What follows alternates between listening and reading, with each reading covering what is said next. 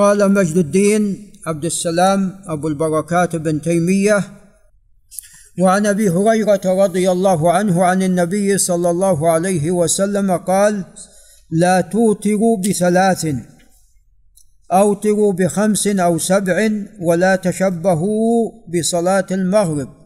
يعني إذا أوترتم بثلاث اجلسوا في الأخيرة. رواه الدار قطني بإسناده وقال كلهم ثقات. وهذا طبعا لا يصح.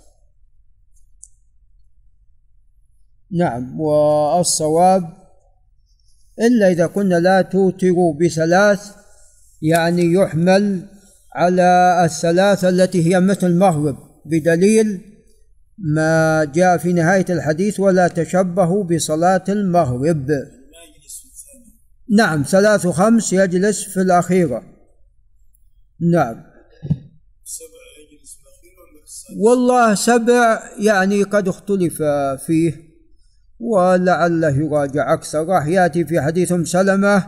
نعم وعن أم سلمة قالت كان رسول الله صلى الله عليه وسلم يوتر بسبع وبخمس لا يفصل بينهن بسلام ولا كلام. رواه أحمد والنسائي وابن ماجه. وهذا لعل يراجع. منقطع هذا منقطع. هذا منقطع طبعا. وعن عائشة رضي الله عنها قالت كان رسول الله صلى الله عليه وسلم يصلي من الليل ثلاث عشرة ركعة. يوتر من ذلك بخمس لا يجلس في شيء منهن منهن إلا في آخرهن. خمس في الأخير وتسع ثبت في مسلم يجلس في الثامنة. قال عن حديث عائشة السابق متفق عليه. قال وعن سعد بن هشام.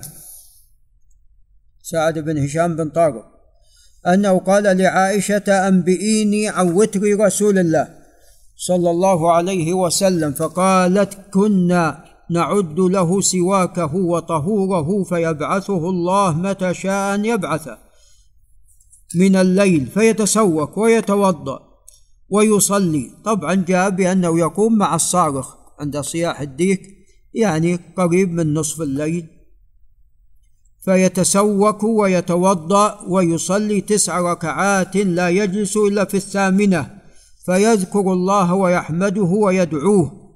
وجاء عند أبي عوانة ويصلي على رسوله صلى الله عليه وسلم ولكن الزيادة لا تصح. ويحمده ويدعوه ثم ينهض. ولا يسلم ثم يقوم فيصلي التاسعه ثم يقعد فيذكر الله ويحمده ويدعوه ثم يسلم تسليما يسمعنا ثم يصلي ركعتين بعدما يسلم وهو قاعد. فتلك إحدى عشرة ركعة يا بني. يعني تسع ما ثنتين 11 فلما سن رسول الله صلى الله عليه وسلم وأخذه اللحم أوتر بسبع وصنع في الركعتين مثل صنيعه الأول فتلك تسع يا بني.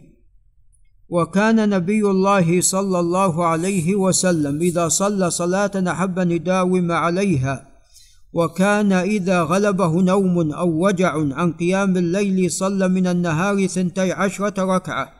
ولا اعلم رسول رسول الله صلى الله عليه وسلم قرأ القرآن كله في ليلة ولا قام ليلة حتى أصبح ولا صام شهرا كاملا غير رمضان.